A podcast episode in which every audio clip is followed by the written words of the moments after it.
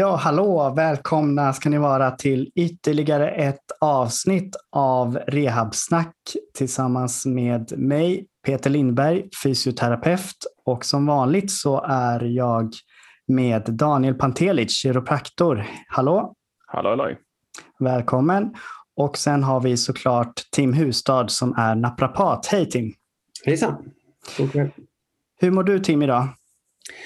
Jag mår superbra. Eh, väldigt, det här är ju så mycket det temat som jag brinner för och bryr mig om som det kan bli. Så att jag är supertaggad. Eh, samma här. Och vi, vi ska ju prata om den biopsykosociala modellen. Eh, Daniel Pantelic, hur, hur mår du ikväll? Jag mår bra. Jag mår bra. Jag är också lite taggad inför ämnet. Det ska bli skoj. Ja, ja men jag känner samma sak. Det, ska, eh, det kommer bli kul att, att diskutera det här ämnet. Eh, vilket som jag sa då är den biopsykosociala modellen. Och vi kommer att behandla och diskutera några frågor i dagens avsnitt. Bland annat då, vad är den biopsykosociala modellen för någonting? Eh, finns det någon kritik mot den? Har den några brister? Eh, vad finns det för missuppfattningar om den? Vad fyller den för funktion? Och hur kan man rent praktiskt implementera den i det kliniska arbetet? Så det kommer vi diskutera i dagens ämne. Ehm, Tim, har du några du sa att du var taggad för det här ämnet. Varför, varför då? Varför är du så taggad för just att prata om eh, den biopsykosociala modellen?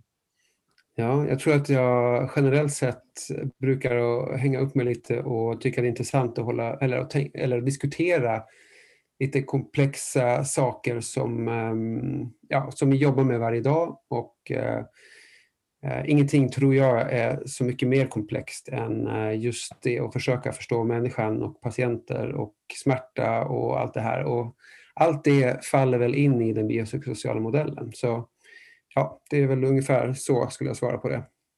Mm. Och Daniel, vad, vad har du för tankar? Ja, Tim sa det bra.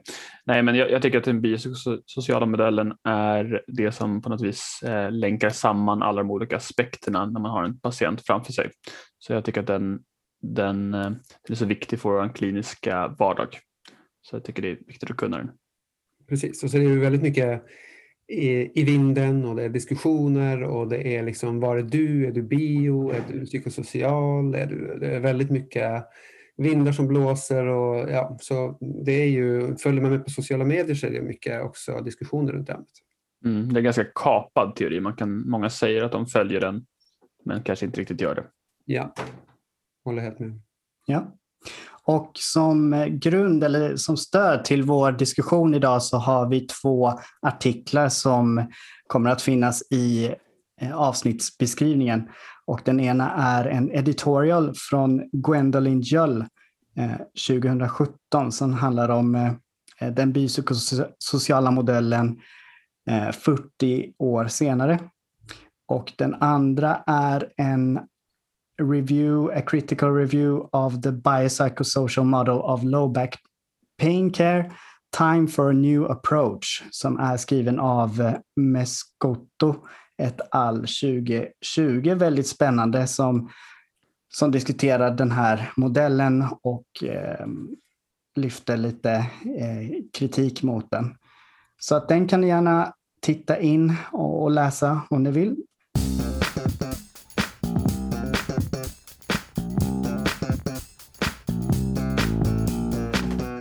Okej, men då sätter vi igång med första frågan här idag. Så vi börjar med börjans början helt enkelt. Vad, vad är egentligen den biopsykosociala modellen och eh, varför kom den till överhuvudtaget? Ja, då var det ju en man som hette George Engel som skapade den här modellen eh, och skrev 1977 en artikel om den här, där han presenterade den här biopsykosociala modellen som en motreaktion mot den biomedicinska modellen som förklaringsmodell till sjukdom. Då. Så den här BPS-modellen var från början inte rent specifikt tänkt för smärta utan mer kring eh, människokroppen och sjukdom. Och eh, motreaktionen som jag sa mot den biomedicinska modellen som då urspringer från Descartes eh, Cartesian Model of Pain från 1664 eh, och den här mind-body dualism-modellen eh, som han menade då på att man kan dela in kroppen och sinnet i två skilda fenomen eh, som visserligen interagerar med varandra men på ett individuellt och, och, och att det är separerade från varandra. Och den här biomedicinska modellen är ju mer linjär eh, och mer strukturellt betingad. Att, att, mer att smärta är lika med vävnadsskada egentligen.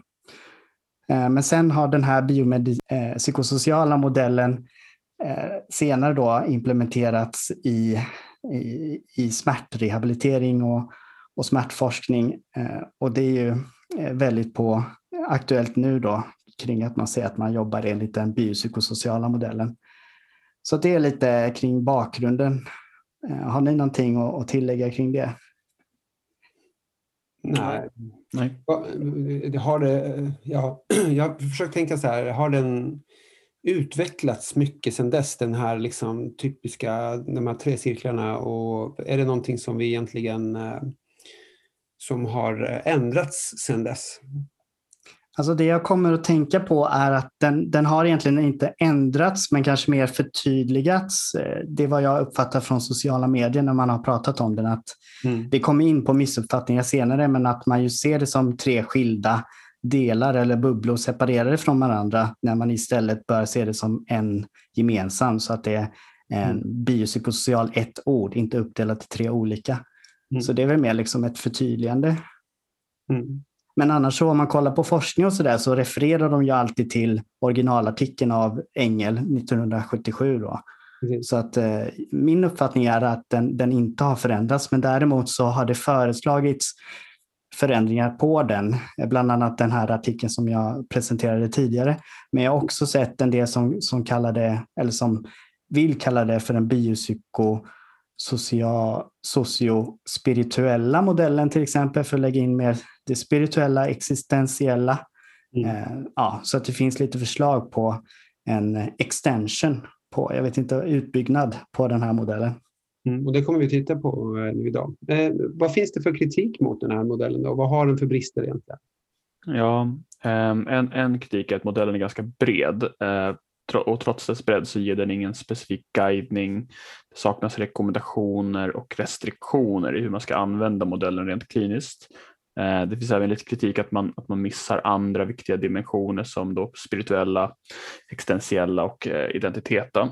Och eh, trots att flera riktlinjer då rekommenderar att kliniker an, ska jobba utifrån modellen så är det inte riktigt helt klart vad det faktiskt innebär och vad man ska göra med den rent kliniskt. Så rehabterapeuter rekommenderas att använda den, men det är otydligt hur man ska använda den. Ja.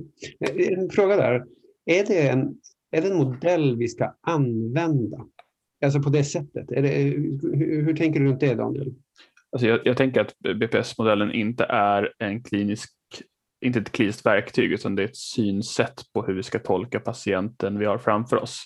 Mm. Att en person som har smärta, vare sig det är biologisk smärta, en nociception från exempelvis ett diskbråck, så finns det en påverkan även på det psykologiska och det sociala. Och att man alltid måste ta hänsyn till alla beståndsdelar ur den här modellen. Eh, men det är inte någonting man använder för att behandla med utan man använder det för att påminnas om att se till alla aspekter. Precis. Um, och ja. se till alla aspekter för att då eh, hitta interventioner för alla aspekter eller hur ser ni på det med tanke på alltså, hur, använda det som ett sätt att hitta behandlingslösningar och metoder? Mm. Och det är en svår fråga egentligen. Det, det beror ju på, det finns ju alltid en påverkan på de här olika aspekterna. Det kan inte, kan inte komma ifrån att smärta alltid har en psykologisk komponent och ofta har det en, en biologisk komponent. Mm. Um, och um, frågan är bara hur stor påverkan det ska ha innan det motiverar någon form av behandling. Mm. Uh, frågan är om det är vem det är viktigast för, om det är viktigast för oss som uh, terapeuter att vi tar hänsyn till det så att vi är försiktiga med våra ord eller att vi tar oss tid att förklara noggrannare för att personens psykologiska ska vara, ska vara mindre oroat så att det inte blir värre, undvika kronicitet och liknande. Eh, jag vet inte hur viktigt det är för själva patienten att man har interventioner för varje grej utan kanske mer att det ska guida vårat beteende utifrån besväret den söker för. Det kan ju vara ett besvär som är, vi bedömer är mer psykologiskt eh, betingat som ett beteende efter ett, en diskbråck, att det kvarstår ryggsmärta på grund av ett beteende som följer. Då ska man fokusera på det, det psykologiska och kanske inte tänka så mycket på att disken har varit trasig.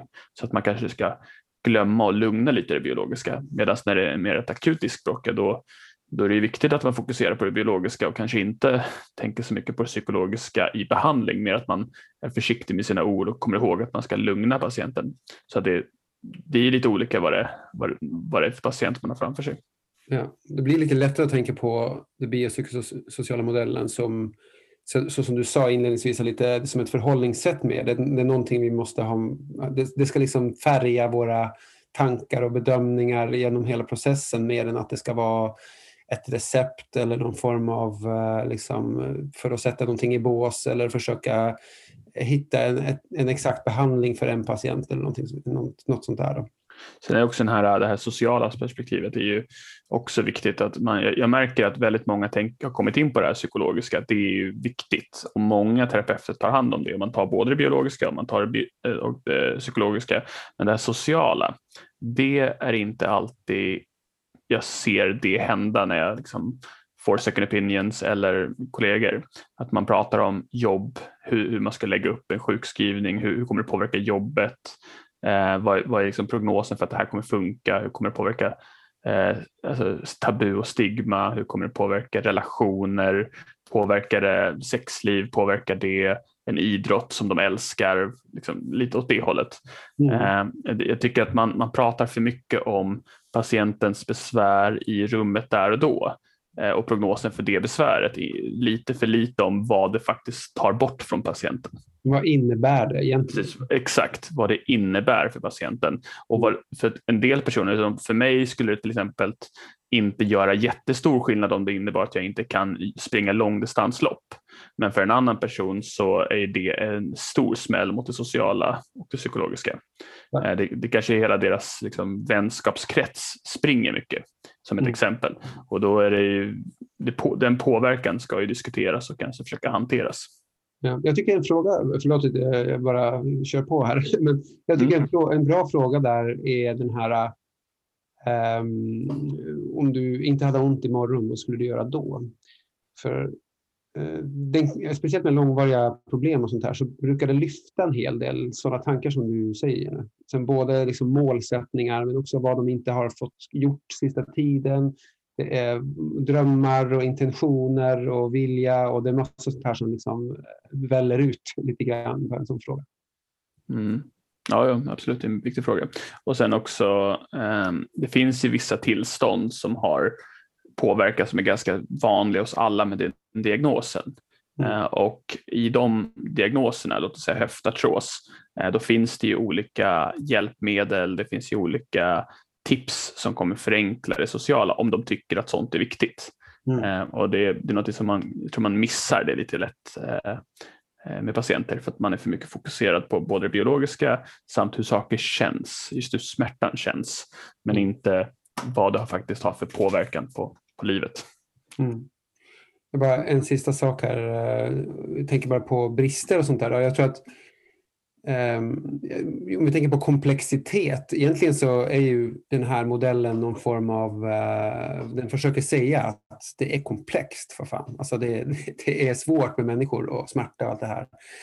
Uh, och jag tror att vi, vi är väldigt vilse i den här liksom, mänskliga komplexiteten och vår forskning och vår utbildning, våra kliniska beslut eh, de är, liksom de är inte i närheten av att spegla den här komplexiteten som finns egentligen i ett mänskligt liv. Så och samtidigt så, vi människor är ju så på jakt efter det motsatta, efter simpla, simplicitet. Och vi, vi är liksom evolutionärt anpassade att spara på det här psykiska och fysiska bränsle som vi har eh, så fort vi kan. Och, och, all komplexitet är jobbigt och bränsle, bränslekrävande kan man säga.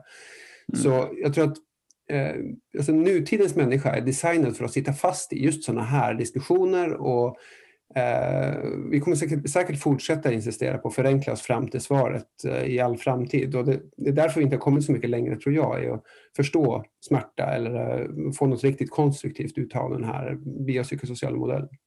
Nej, jag tycker det är lite kul här som liten kuriosa. Det var, Peter la ju upp på primärvårdsforumet en sån här eh, röstning av vad som är viktiga egenskaper för en terapeut. Eh, och fick ju fram det att kommunikation, det tyckte ju alla var väldigt viktigt och det, det tycker jag också är väldigt viktigt. Men, men jag skrev in ödmjukhet eh, och fick tre röster. och, och eh, jag tycker ändå att det här saknas hos alla oss superduktiga terapeuter. Att vi, det är så komplext hela tiden och trots att det är komplext så tycker alla att de bemästrar så mycket. Mm. Ehm, det, jag, tror, jag tror att man, den här modellen borde ju leda till att man förstår att det faktiskt inte går att förstå det fullt ut och att ja. man bör vara ödmjuk. Och det är klart att kommunikation är superviktigt, jätte, jätteviktigt, men vad ska kommuniceras? Alltså det, det, är, det är viktigt att man förstår att vi inte förstår fullt ut och mm. kommer antagligen inte att göra det under våra karriärer. En kritik mot BPS-modellen som jag har sett är det här med att man använder BPS-modellen för att försöka förklara någons smärta eller mer liksom förklara orsaken till smärtan, vilket man kanske bör vara lite försiktig med eh, och att det istället handlar mer kring olika faktorer som påverkar hälsa och påverkar smärta på olika sätt. Eh, sen utifrån den här artikeln då med Scotto et al 2020 eh, så föreslår de ytterligare en dimension till de tre andra då som inkluderar personella aspekter inom parentes patientcentrerad vård och terapeutisk allians, stigmatisering, diskriminering, kultur, religion och språk. Eh, så alltså förutom de biologiska, psykologiska och eh, sociala aspekterna så föreslår man den här fjärde ytterligare dimensionen då med de här eh, andra faktorerna. Vad, vad tänker ni om det? Behövs det en ytterligare dimension och vad tänker ni spontant? Jag tycker att det faller inom det sociala, det du, det du nämnde där. Det, det, det var min upplevelse också, att jag tänker att det, det hamnar också inom det sociala eh, dimensionen. Frågan är om det behövs en ytterligare, ytterligare dimension eller om det bara behövs egentligen lite mer det här, är ju, det här är ett sätt bara att försöka förklara bättre vad den sociala delen är egentligen. Tycker jag. Ja, och då, då kommer vi tillbaka till det vi pratade om, att just den sista där, att den förbises lite grann. Och det mm. kanske är en av de större. Ja, håller helt med. Mm. Ja, men så tänker jag också egentligen att man kanske behöver bena ut vad innebär den sociala dimensionen egentligen? Ja. Eh, förtydliga, konkretisera vad det innebär så att man kan börja diskutera det och börja forska på det också. Mm.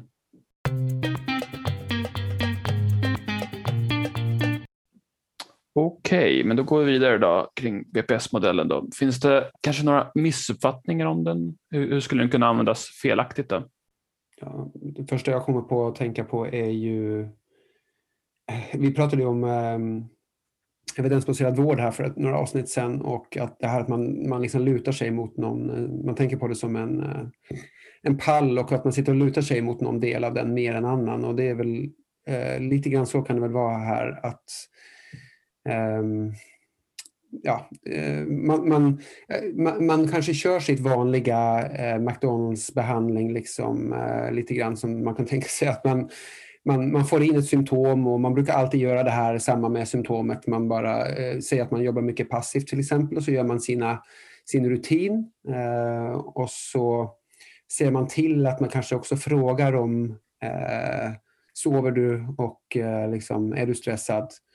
Och så tycker man att that's it. Nu har jag gjort den biopsykosociala modellen. Alltså att, jag tror att det, det, finns många missuppfattningar om man inte har grävt in i det där lite grann. Ehm, I, i vad det egentligen innebär eh, och, och lyfta och, och alltså lyfta psykosociala teman speciellt och, och sen eh, vad man gör med det eh, tror jag är väldigt eh, eh olika uppfattningar. Vad tror ni? Det första jag kommer att tänka på är det som du var inne på Tim, att man fortsätter typ att jobba som man brukar göra men att man eftersom att det är inne nu, eller vad man ska säga, att, att eh, det är mycket prat kring den BPS-modellen, att man säger att man, att man gör det. Men eh, jag undrar ifall, ifall man verkligen gör det. Och då tänker jag mer på gruppnivå, samhällsnivå, för att eh, just kring smärta så det finns ju inget botemedel på eh, långvarig smärta till exempel. Och ser man till operationer och, och diverse undersökningar och vi lägger ju allt mer pengar på att försöka hjälpa människor med smärta men, men på det stora hela liksom hjälper det eller lyckas vi? Eh, det är ju tveksamt om, om vi gör det. Så att, och, och tittar man på de interventionerna som, som vi gör då så är det ju fortfarande huvudsakligen, skulle jag säga, mycket biomedicinskt tänk. Just att man går på med mediciner, injektioner, operationer, olika typer av terapeutiska behandlingar för att försöka eh, få bort smärtan. Så att man har fortfarande det här strukturella vävnadstänket väldigt mycket inom vården. Generellt sett pratar jag om nu. Så, så jag funderar på ifall vi verkligen jobbar enligt den biopsykosociala modellen på, på gruppnivå. Jag, jag, tycker inte att vi gör det i tillräckligt stor utsträckning, utan jag tycker fortfarande det är övervägande stort bias mot just, just det biomedicinska gällande smärta. Mm. Så det är väl det första jag tänker på. Mm. Eh, sen, sen, brukar jag också tänka när jag, när jag tittar på andras journaler och sådär så kollar jag på vad, vad det står för någonting och självklart så skriver man kanske inte ner exakt allting men, men om man i anamnesen kanske frågar om sömn och stress och eh, olika typer av psykosociala faktorer så hoppas jag att man skriver ner det och eh, då tycker jag när jag kollar ibland att det saknas mycket av det här att man screenar för gula flaggor och psykosociala faktorer. Så att jag, jag undrar ibland ifall vi verkligen jobbar enligt, enligt den biopsykosociala modellen eh, i praktiken. Men om, mm. om vi får lov att peta lite grann i det där bara. Så vad, om, om jag är den terapeuten som jag själv nu beskrev, där jag, eh, jag har mitt vanliga sätt som jag kör med många, med ett, ett, en nackspärr till exempel. Och så, eh, och så ser jag till att fråga om sömn och stress och that's it i anamnesen. Men annars är det fokus liksom på, ehm, på strukturer och manipulera dem eller knåda dem eller någonting sånt här. Va, vad är det egentligen som vad är det som saknas då? Är, om jag ska peta i det lite grann, vad är det jag borde ha gjort här? Vid akut nackspärr? Ja, eller jag tänker egentligen bara generellt sett. Om, ja, men om man, om man nu, för, ja. jag, tänker ändå att nu tog ett, en diagnos då, och jag, jag kanske sticker ut hakan lite grann, men om någon söker för en akut nackspärr och det inte är något annat så vet jag inte riktigt om, utöver att man ska vara lugnande och det har ju en psykologisk eh, aspekt i det, att man är lugnande och liksom det kommer gå över så behöver man inte göra så mycket mer. Att få nackspärr eh, är både vanligt och ofarligt. Ehm, att man skulle behöva behandla dem komplext tror jag inte på. Eh, jag tror mer BPS-modellen är viktig för att förebygga att det blir kroniskt eh, och för att hantera kroniska patienter. Jag skulle inte säga att det har en riktig plats vid akuta besvär utöver att man ska vara lugnande och att inte skrämma folk. Men jag tror inte att det är det är inte mer än så. Jag håller med. Jag tänker, en nackspärr kan väl vara ett symptom på någonting annat menar jag. Alltså, en eh, återkommande ja. Till exempel en återkommande eller att man eh, ser en pers person som eh, inte mår helt bra. Eh, det kan vara många olika saker som kan dyka upp. Men ja, nackspärren var bara ett, ett, ett, exempel jag tog ur luften lite grann. Ja, men det, mm. det, det är fortfarande helt omöjligt att säga vad som orsakar det. Men jag, jag, tror att så som hur jag tänker att arbeta med det och det här med missuppfattningar, om vi återgår till det, så är att jag tycker att folk, när de tänker på BPS-modellen så tänker de okay, den psykologiska, men vi är inte psykologer, en sjukgymnast är ingen psykolog och en kiropraktor är ingen psykolog.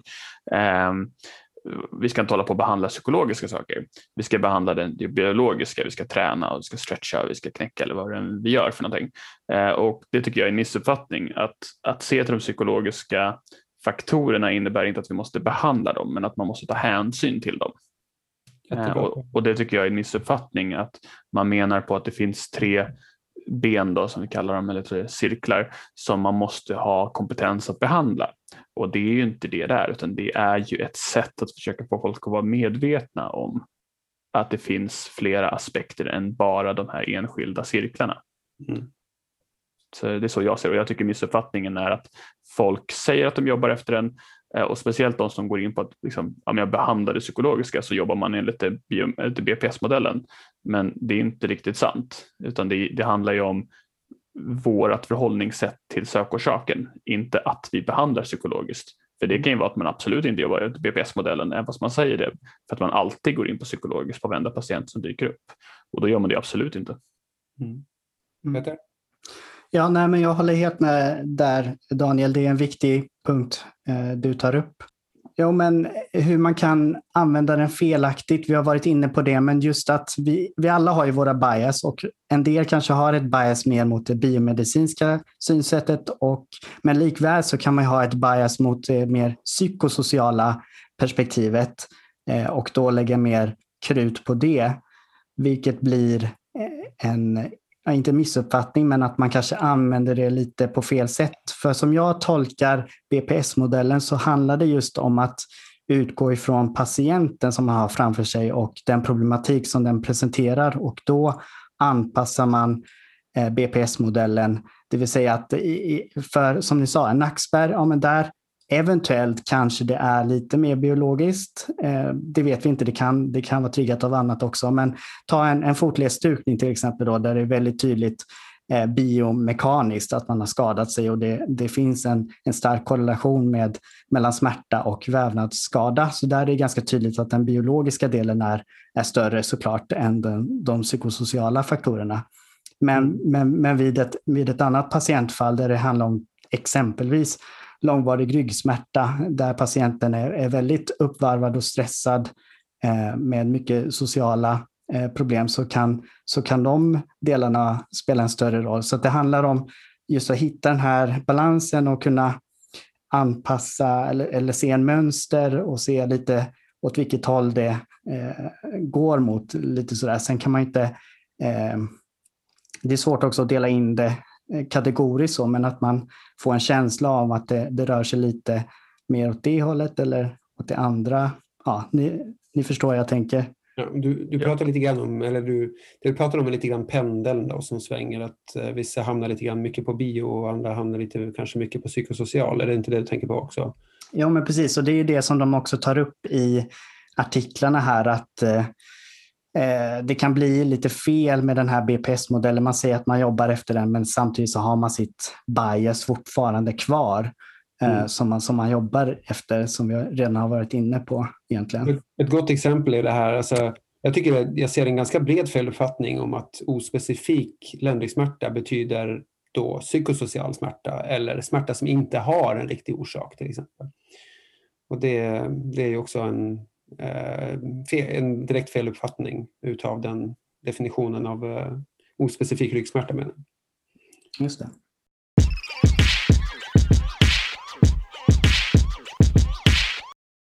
Men om man, om man går vidare då från missuppfattning till liksom varför det är viktigt med den här modellen. Vad, är, vad fyller den egentligen för funktion?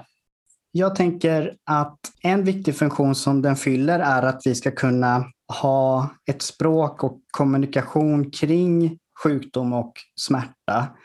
Eh, så nu har vi pratat om att man inte kan dela upp, eh, separera de här, utan de är alltid eh, sammanfogade, de biopsykosociala aspekterna.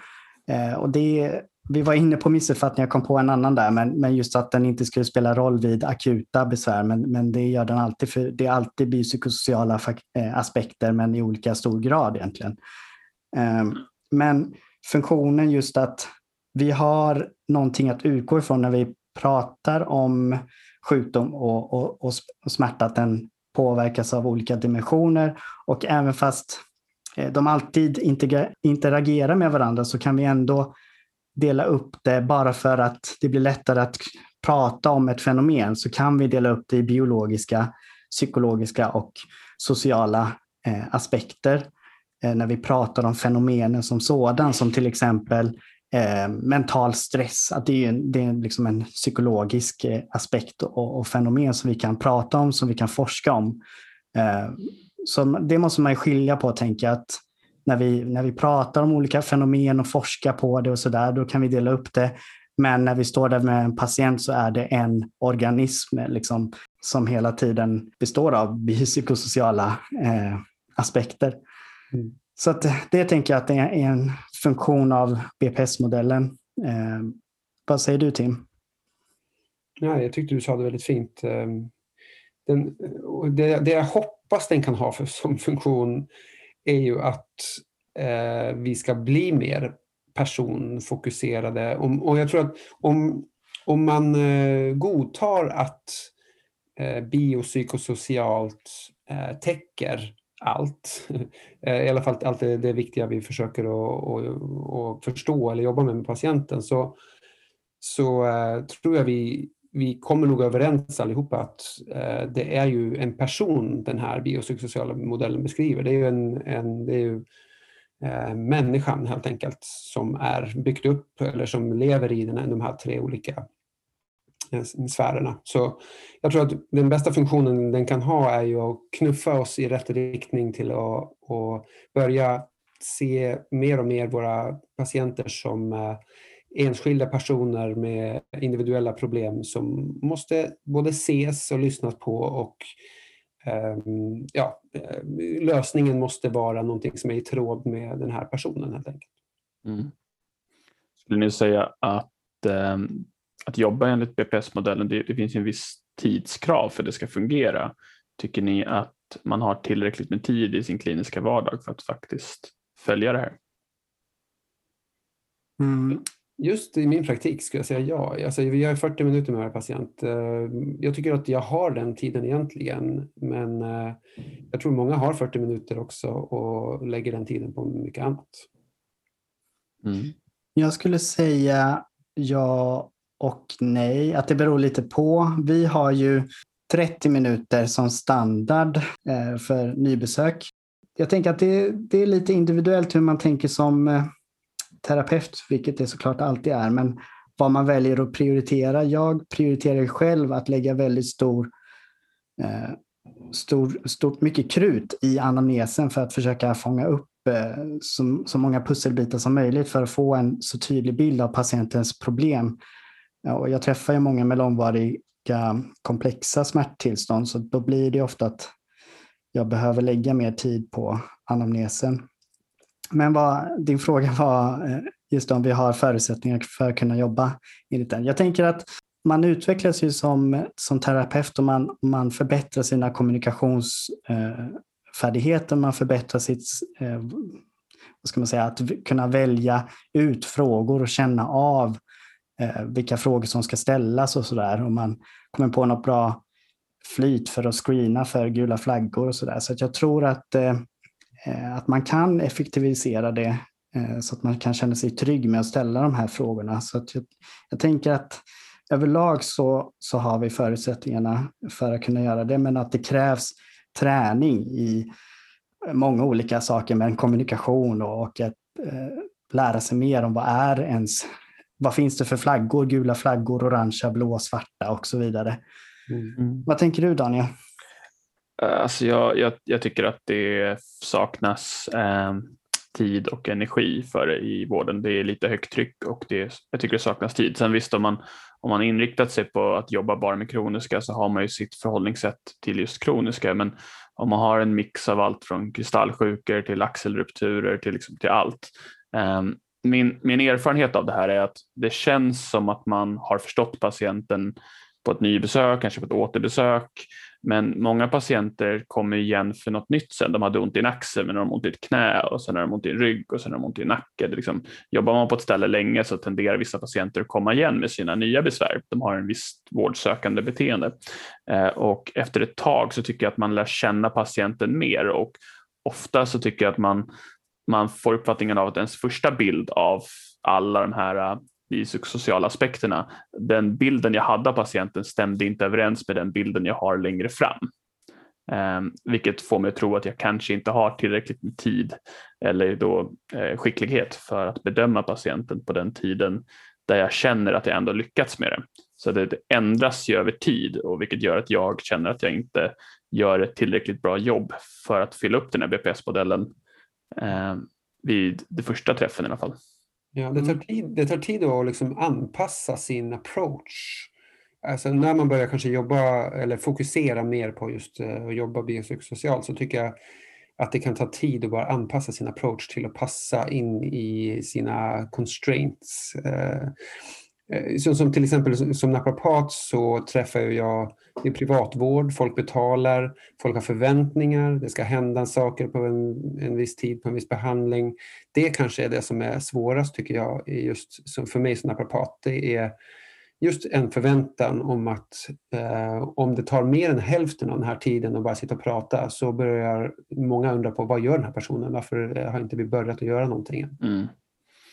Jag brukar eh, prata med våra studenter om det här och så brukar jag säga att det är, ditt jobb är inte att följa förväntningar, ditt jobb är att hantera förväntningar. Mm. Um, och det är viktigt att man kartlägger dem först, vad ja. patienten vill. Och jag, jag tror att det, det, där är en risk um, om man jobbar så som, som naprapat, uh, privat eller vem som än är privat. Um, om patienten har en förväntan på vad de köper, och det gäller ju även i vården, så om, om de har förväntan och man bryter mot den, då tappar man nog eh, eh, någon form av ingångsväg där, en ingångsport. Eh, men, som du, du sa det den gången vi pratade ett avsnitt tidigare, att om patienten kommer inte komma tillbaka om man inte på något vis möter deras förväntan. Eh, och för att veta vad den förväntan är så behöver man ju faktiskt fråga vad är det du förväntar dig, så annars kan, har man ingen chans att hantera det. Eh, om, om de dyker upp för kronisk ryggverk och de tror att det beror på att en kot har hoppat snett till vänster och har glidit ner, då måste jag också få reda på att de har det här synsättet för att kunna möta det. För att om jag inte sen hittar vilken kota som ligger snett, eh, då kommer de inte komma tillbaka. Eh, de kommer inte göra övningarna, de kommer inte ta, ta, ta mina råd, hur bra undersökningen än gör, för att jag har inte förstått varför de är här. Så det är väl en en aspekt i det. Mm. mm. Det finns en artikel, jag kommer inte på vem författaren är just nu. Eh, ni kanske känner igen den, men det är en artikel där man har frågat fysioterapeuter om just det här, om de tycker att det är viktigt att bejaka de psykosociala faktorerna eh, för patienter med ländryggsmärta. Och då majoriteten tycker att det är viktigt att belysa dem men sen är det färre som upplever att de faktiskt har kompetensen att, eh, ja, inte behandla men adressera, adressera dem, att, att det behövs, eh, man känner att man kanske behöver mer utbildning. Mm. Så att ja, det är ju som Tim sa, det, att det tar tid att utveckla sin approach och, och sin eh, kommunikationsförmåga och eh, det kan också krävas utbildning, tänker jag. Att man får utbildning i vad det finns för psykosociala faktorer som man bör fråga om och som har en eh, association till smärta. Så att man har koll på det, att de här faktorerna kan påverka smärta. Det här kan, de här kan anses som riskfaktorer för att utveckla långvarig smärta till exempel. Eh, och då är det också det man bör få in i sin anamnes och, och kommunikation med patienten. Mm. Eh, det är superviktigt också att man kan hantera svaret. Ehm, det är ju en svår grej, till exempel eh, våld i nära relationer är en sån här typisk grej för kronisk verk, alltså långvarig verk. Ehm, och eh, ibland så folk frågar eller tar upp det och sen så kanske patienten svarar att ja, men det har varit, liksom, varit utsatta för någonting, men de, de har ingen kunskap i hur de ska hantera svaret. Då kanske man inte heller ska ställa frågan innan man vet hur man ska hantera svaret. Eh, så det där är, det är jättesvårt kliniskt. Vi behöver mer utbildning och det känns inte heller som att det ges eh, resurser för att utbilda revpersonal i den, i den omfattningen som faktiskt behövs utifrån det vi behandlar. Mm. Det är mer eh, personer som jag tror skickas på OMI och laser än vad det är på sånt här. Mm. Och det är ju också en balansgång det där med att, att ställa frågor, vilka frågor man ska ställa och om man behöver hantera dem eller inte. Eh, för att eh, det, det, är viktigt som du tidigare sa Daniel, att det är ju viktigt att faktiskt ställa frågan. Sen kanske man inte behöver behandla det, men, men om man har ställt frågan och så vet man kanske, okej, okay, men då kanske du behöver träffa en, en, psykolog eller att man kan ta hjälp av andra professioner. Så att man, man är ju inte ensam utan vi behöver ju ofta jobba i, i team kring patienter med smärtproblematik. Mm. Ja. Och det, man ska ju ha såna, man ska ha det stödet på den arbetsplatsen man är men alla som lyssnar på den här podden jobbar inte på liksom stora revenheter med vårdcentralen. En del jobbar helt egna rum bara eh, och då ska ju de alltså om de försöker jobba på det här viset så måste ju de ha någon form av rutin eh, för hur de ska hantera svaren när de dyker upp. Det, det, det är okej att man får ett svar någon gång om man inte vet, men när man väl får ett och man blir medveten om att okay, jag har inget sätt att hantera svaret, då måste man också ta reda på liksom, nästa gång, hur mm. gör jag då? En annan, en annan sak här också, det är vilken ålder man är som terapeut tror jag. För att, Eh, jag var ju en, eh, jag var ju 30, vad var jag, 32, nej, något sånt, när jag var ut, färdigutbildad naprapat. Men många andra var ju 22 eller 23. Och eh, jag tror att ehm, det kan vara lite det kan sätta sig lite i halsen och så där när man får ett svar som att man har alltså våld eller någonting sånt där. Jag tror att det kan vara väldigt svårt att både sätta sig in i och ja, man kan bli lite ställd. Men jag tror att har man varit några år i gamet så kanske man, man, eh, man får en magkänsla av vad som behöver göras eh, lite grann. Men det är ju någonting man måste få en magkänsla och jobba upp kanske. Mm. Ja, visst är det så det, här, det kommer över tid och det är, det är väl det när vi börjar prata om den här modellen. Vilket, det är ju att se till många aspekter men att man ska vara ödmjuk över att vi kan inte behandla alla dem. Så är det. Och, men, men om vi då ändå pratar om det när vi pratar om vilken funktion. Om man har en patient där som har någonting kroniskt som inte kommer gå över så blir den här modellen perfekt i att ändå eh, man kan ställa sig frågan hur påverkas det psykiska hos patienten och sen också vad har det för påverkan på det sociala? Alltså det, det, man påminns ju, om man säger att man jobbar efter det här, då kan man alltid ha det som någon form av glasögon.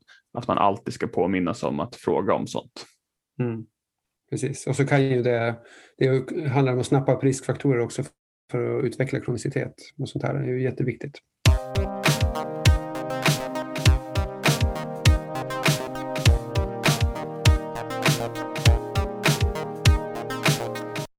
All right. Känner vi oss eh, nöjda med att gå in i sista del här då? Mm, det tycker jag.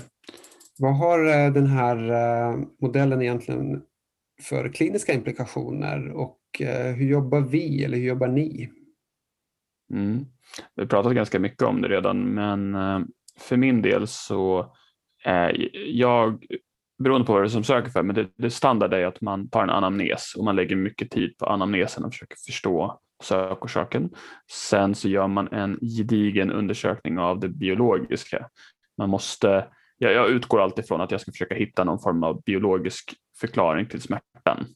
Eh, och sen om jag hittar det, eller när jag hittar det, så eh, pratar jag mycket om det, liksom det psykologiska och det psykiska, eller det psykologiska och det sociala, och hur påverkan är. Men jag, jag, det brukar inte vara eh, jättemycket det första besöket utan det kommer mer sen. Så första grejen jag gör är alltid det biologiska, det jag lägger upp en behandlingsplan för liksom vävnadstolerans eller hur vi ska stärka upp området som jag upplever de behöver stärka det, vad det än må vara. Eh, och sen så under loppets gång så börjar jag prata lite mer om eh, hur de ser på sitt problem, vad de är oroliga för att det ska vara, hur det ska påverka dem i, i vardagen, i framtiden? Kommer det bli sämre? Kommer de liksom kunna jobba? Eh, hur kommer det påverka dem socialt? Så att jag, jag, jag, jag vet att alla de här grejerna är lika viktiga, men jag börjar alltid med det biologiska. Om anamnesen riktar dit, och det, det brukar det göra, det är ofta det folk söker för. Ehm, och sen så försöker jag screena efter sådana här äh, flaggor då, som, eh, om det är viktigt. Då. Eh, om det finns en risk att det ska bli kroniskt. Jag brukar använda den här Örebroskalan för att se om det finns någon risk för framtida nedsatt arbetsförmåga. Och så mm. Ni Jag tänker i liknande banor. Det är som jag var inne på tidigare att man anpassar modellen eller sitt arbetssätt efter patienter som man har framför sig. Eh, det är det som kallas för person eller patientcentrerad vård. Eh, så att, eh, men jag brukar också jag vill ju samla in information och få en bild av patientens besvär och situation. Och då ställer jag frågor utifrån den biopsykosociala modellen. Så jag tar till hänsyn till ja, de fysiska, biologiska, eh, psykologiska och sociala aspekterna. Och sen så gör jag alltid en, en avvägning eh, som vi pratade om i evidensavsnittet, eh, att det handlar om sannolikheter och det tänker jag är samma sak här. att Jag försöker väga alla faktorer mot varandra och, och tänka liksom eh, vad som är mer sannolikt, eh, sannolikt i patientens fall. Så jag har ju också alla differentialdiagnoser i bakhuvudet och så väger jag liksom fram och tillbaka. Så här, vad är mest troligt för den här patienten eh, som jag har framför mig? Eh, och självklart gör jag ju en, en undersökning, en fysisk undersökning. Eh, och, och, precis som Daniel sa, att jag, jag tänker mycket, jag vill screena liksom trattmodellen, eh, superbra metafor och, och tankesätt. Tänker jag, att jag, jag börjar stort och sen för och komma ner till eh, vad jag tänker mig att det kan vara, då måste jag ju screena och jag måste utesluta och innesluta, men, men framförallt utesluta tänker jag, eh, från, från de här olika aspekterna då. Um, och sen komma fram till någon typ av bedömning. Så att jag väger in de, den fysiska undersökningen, jag väger in anamnesen, vad är mest troligt? Eh, och så kommer jag fram till någon typ av bedömning som, som jag bedömer att eh, ungefär så här tänker jag. Um, så att jag utgår ifrån tratten och använder mig av BPS-modellen eh, för att samla information, pusselbitar och sen gör en en sammanfattad bedömning och avvägning vad som är mest sannolikt eh, påverkar patientens besvär. Men jag tänker också olika bidragande faktorer eh, då. Så ungefär så. Hur tänker du Tim? Jo, eh, jag känner mig väldigt mycket igen i det du beskrev nu Peter. Eh, det har ju förändrats lite grann med tiden. Eh, förut så, vi har ju en enkät som vi kör på alla som har långvarig smärta och så, för då, då, söker de specifikt för det. Och sen så är det ju resten då helt enkelt som, som inte söker för det. Som, alltså skillnaden blir att vi kör alltid en enkät på de som är långvariga och inte enkäten på de andra men jag jobbar ju likt ändå eh, på alla patienter. Så eh, den här biopsykosociala modellen har ju, eh, styr ju väldigt mycket hur jag tänker med alla som jag träffar. Och jag tror att det kanske, skulle någon vara en fluga på väggen i mitt behandlingsrum så kanske det skulle synas mest i eh, att jag, jag, jag, tror förändringen som har hänt de sista åren har varit att jag när jag sätter mig ner med, med en person som jag tänker idag, inte en patient, så så försöker jag förstå eh, den här personen. Jag försöker att förstå vad eh, det är som har fallit bort eller försvunnit ifrån eh, vardagen eller eh, så finns det mål att komma tillbaka till. Vad har det för innebörder och sånt där. Det är väl det som jag tror jag gör konsekvent med alla nästan och eh, i större och mindre grad såklart. Ehm, på ett sätt för att försöka att förstå personen lite grann. Alltså vad, vad, eh, om det här var min bästa vän så skulle jag ju kanske fråga lite andra frågor än jag frågar en patient. Men ja, kanske det är, det är legit att, fråga lite eh, sådana frågor också till våra patienter. Och det, det som jag upplever ofta då det är att Um, att, att man, den här terapeutiska alliansen som lyfts i den här studien som vi har läst också, Eh, jag tror att terapeutisk allians är jätteviktigt men eh, du kan ha superterapeutisk allians utan att någonsin gräva i de här grejerna. Alltså det vill säga vad, vad har det för innebörd och så vidare. Så jag tror att det är väl någonting som har förändrats mer tydligt med att jobba på det här sättet. Och sen är det ju Ja, alltså vi screenar, jag gör som ni, ni pratar om också. Jag, jag, vi gör den här enkäten först och vi pratar om den här långvariga smärtan då, och jag gör en fysikalisk undersökning. Jag tror alla patienter förväntar sig det och det vore, de som jag inte hinner en undersökning på ens, där upplever jag ofta att de undrar på vad har vi gjort egentligen i 40 minuter eller så jag tror att vissa saker måste man ändå göra alltid och det ger ju eh, mig som terapeut en viktig grund för vad vi ska göra vidare såklart med patienten och så och kan förklara för patienten vad jag tror som är fel och så vidare. Så för att kunna betrygga dem och allt det här som också har med det psykosociala att göra. Um, ja, så, men om, om jag skulle sätta fingret på någonting så är det just det att se personen som en person helt enkelt. Det tror jag är det som eh, jag fokuserar mest på. Mm.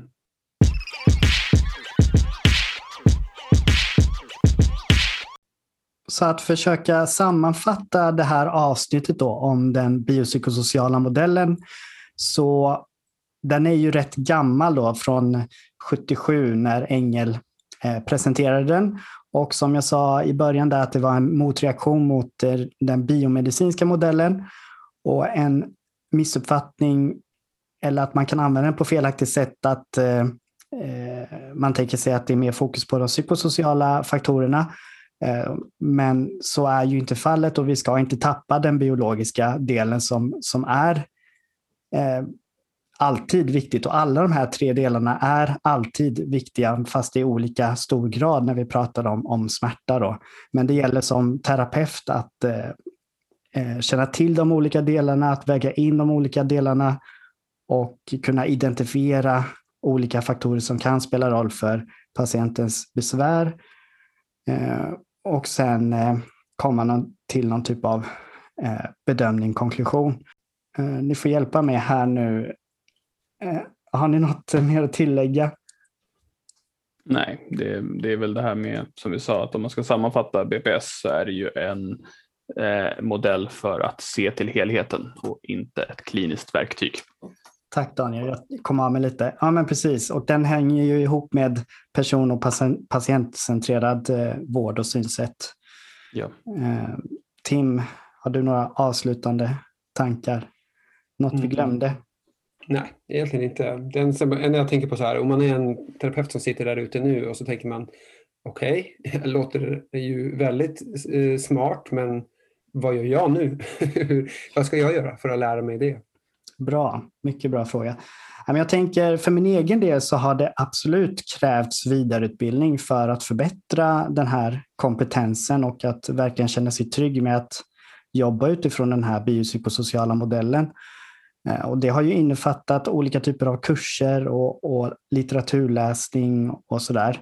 Eh, men även att bara diskutera med andra personer, få perspektiv.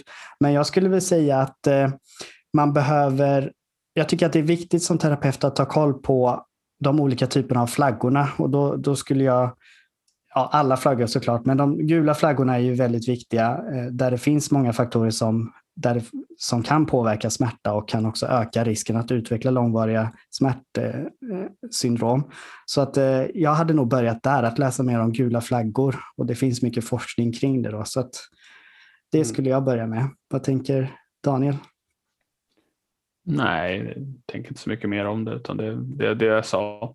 Att jag eh, tycker BPS-modellen är en modell för att se hela patientcentrerad vården.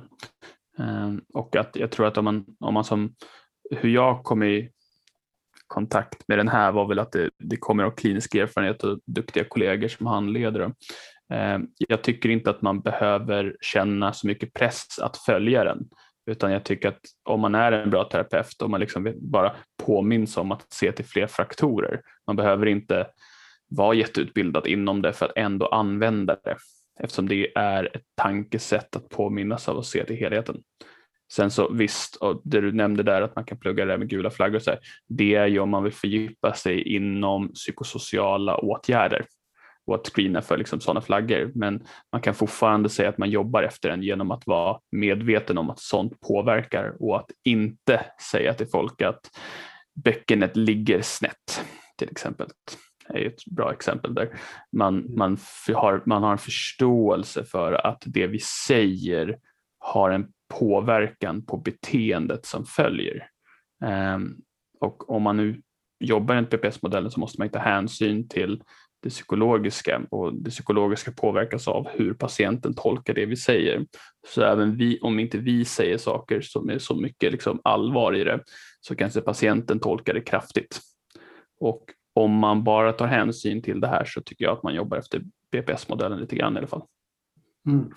Eh, Tim, jag bollar tillbaka frågan till dig också. Eh, vad tänker du att man ska göra som, som terapeut?